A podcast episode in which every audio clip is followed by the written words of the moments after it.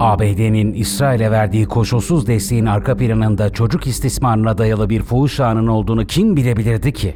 I wanted to be here today uh, for a simple reason. I wanted the people of Israel, the people of the world, to know where the United States stands.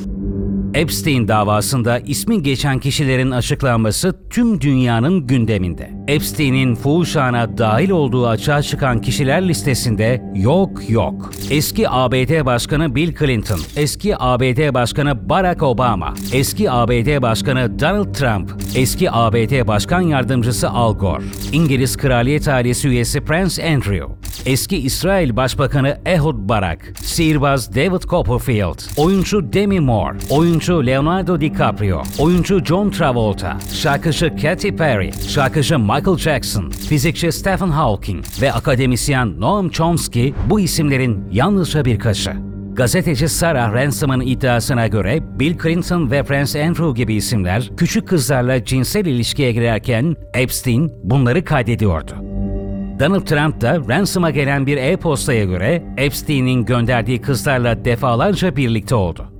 Ancak dava kayıtlarında Trump'ın bir kez Epstein tarafından davet edildiği ve bu davete icabet etmediği bilgisi mevcut. İnternet ortamında Trump'ın Epstein'le çok sayıda fotoğrafı var. Fakat Trump bu fotoğrafların gerçek olmadığını belirtiyor. Dava dosyasındaki itiraflardan biri de Prince Andrew ile ilgili. Bir itirafçı 2001 yılında 17 yaşındayken Fransa'nın güneyinde bir kraliyet ailesi mensubuyla birlikte olduğunu ve Prince Andrew ile birlikte olması için 15 bin dolar teklif edildiğini açıkladı. Yine iddiaya göre Türkiye düşmanlığıyla bilinen Ermeni diaspora kuruluşu Ankara'nın A Plus destekçisi olan Bob Menendez'in eski sevgilisi Gwendolyn Beck de Epstein adasında birkaç kez Prince Andrew ile birlikte olmuştu. Ayrıca Beck'in Trump'ın Florida'daki malikanesine de sık sık gittiği iddia ediliyor. Peki yüzlerce ismi fuhuşanın bir parçası haline getiren Jeffrey Epstein kimdir?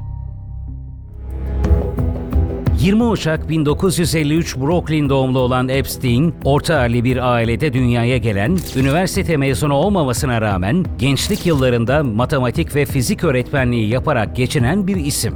Girdiği işlerde genellikle performans düşüklüğü nedeniyle sorun yaşayan Epstein'in hayatındaki dönüm noktası öğretmenlik için kendisini özel okulda işe alan Donald Barr'la tanışması. Barr, hali hazırda ABD başsavcısı olan William Barr'ın babası. Epstein için öğretmenliği dönüm noktası yapan şey ise okulda çalışırken zengin iş insanlarıyla tanışması. Zaten bu yüzden de Bear Stearns'ın CEO'su Alan Greenberg'le tanışan Epstein kısa süre sonra borsada çalışmaya başladı. Epstein'in milyarder olmasına uzanan süreç başlamıştı. Epstein'in zenginliğinin kaynağı tam olarak bilinmese de bankacılık ve danışmanlık hizmetleri vererek önemli gelirler elde ettiği ve 1988'de de J. Epstein Company'yi kurduğu biliniyor. The Times gazetesinin iddiasına göre Epstein 1990'lı yılların başında Ghislaine Maxwell ile tanıştı. Bu tanışma Epstein'in hayatındaki ikinci dönüm noktasıydı. Çünkü Maxwell'in ultra zengin medya patronu olan babası Robert Maxwell'in verdiği destek Epstein'in tüm kapıları açmasını sağlamıştı. Epstein'in eski sevgilisi olan Maxwell, Epstein'e henüz reşit olmayan 14-18 yaşlarındaki kız çocuklarını buluyor ve fuhuş ağını kurmaya başlıyordu. İlerleyen yıllarda kız çocuklarına ulaşılmasında ünlü modeller bile kullanılacaktı. Peki sistem nasıl işliyordu? Epstein'in Virgin adalarında kendisine ait olan Epstein adasında farklı yerlerdeki malikanelerinde ve yatlarında dünya ünlü sanatçıları, siyasetçileri, gazetecileri, yazarları ve bilim insanlarını misafir ettiği ve bu kişilerin sürecin asıl mağduru olan yani istismar edilen çocuklar ve kadınlarla birlikte olmasını sağladığı bir düzen kurmuştu. Epstein bu kişilerin cinsel birliktelik yaşadığı anları kameraya çekiyordu. Meselenin kritik noktası da burası. Çünkü Epstein'in eski kız arkadaşı olan Maxwell'in babası yalnızca zengin bir medya patronu değil, aynı zamanda Mossad personeliydi. Epstein, Maxwell'in babası aracılığıyla İsrail istihbaratıyla tanışmıştı ve iddiaya göre elindeki kasetler aslında Mossad'ın eline geçiyordu. Bu da İsrail'in ABD'ye istediğini yaptırabilmesini sağlıyordu. Siyasetçilerden gazetecilere, yazarlardan modellere uzanan bu fuhuş ve pedofili ağı Amerikan kamuoyunun yönlendirilmesinde etkili oluyordu. Dolayısıyla Epstein'in 2016'da Hillary Clinton'la Donald Trump arasında yaşanan seçim rekabetinde bildiklerimi anlatsam seçimi iptal etmek zorunda kalırlar demesi boşuna değildi. Buzdağının görünmeyen yüzünde yüzlerce isim vardı ve hiçbiri masum değildi. Dava dosyaları ortalığa saçıldıkça gündeme gelen iddialar akıllara durgunluk verecek cinsten. Farklı ülkelerden kaybolan kız çocuklarının aslında Epstein çetesi tarafından kaçırıldığı belirtiliyor.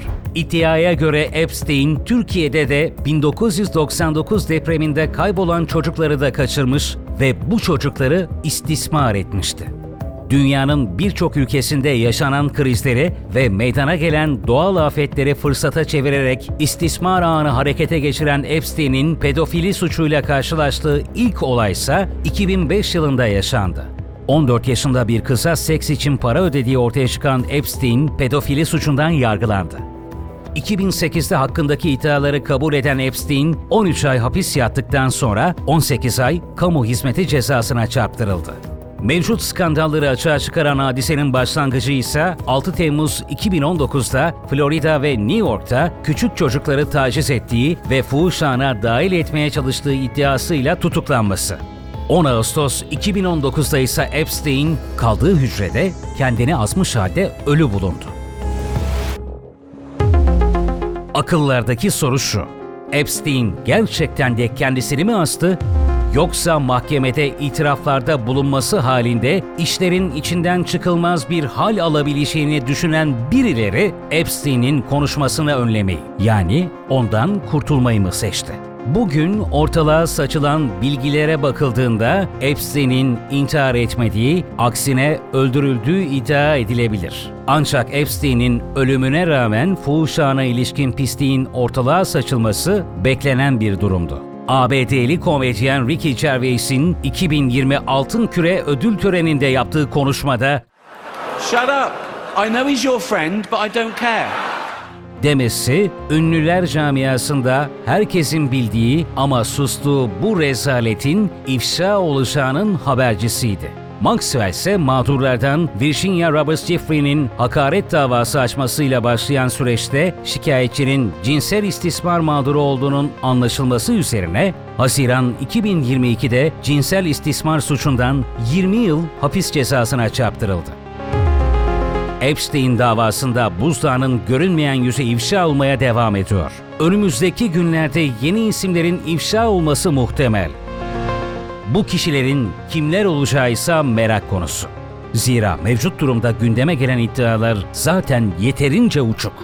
Davanın hakimi Loretta Presca'nın geçtiğimiz günlerde açıkladığı dava dosyası üzerindeki gizlilik kaldırılsın kararı 1510 ismin yer aldığı dosyanın sadece bir kısmının ortalığa saçılmasını sağladı. İlerleyen günlerde listenin daha da genişleyeceği düşünülüyor.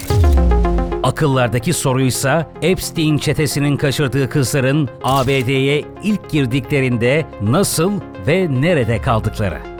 Davadaki isimlerin ifşa olduğu bir dönemde New York'ta bir sinagogda bulunan tünelden kanlı yatakların ve çocuk elbiselerinin çıkması iki olay arasında bağlantı olup olmadığı sorusunu gündeme getirdi. Bu konuda somut bir delil olmasa da Mossad'ın bir Yahudi cemaatini kullanmış olma ihtimali var ve belki de Mossad'ın Amerikan siyasetine müdahale ettiği tek fuhuşa Epstein'in yönettiği ağ değildi. Bu yüzden de ilerleyen günlerde yeni skandalların ortaya çıkması şaşırtıcı olmayacak.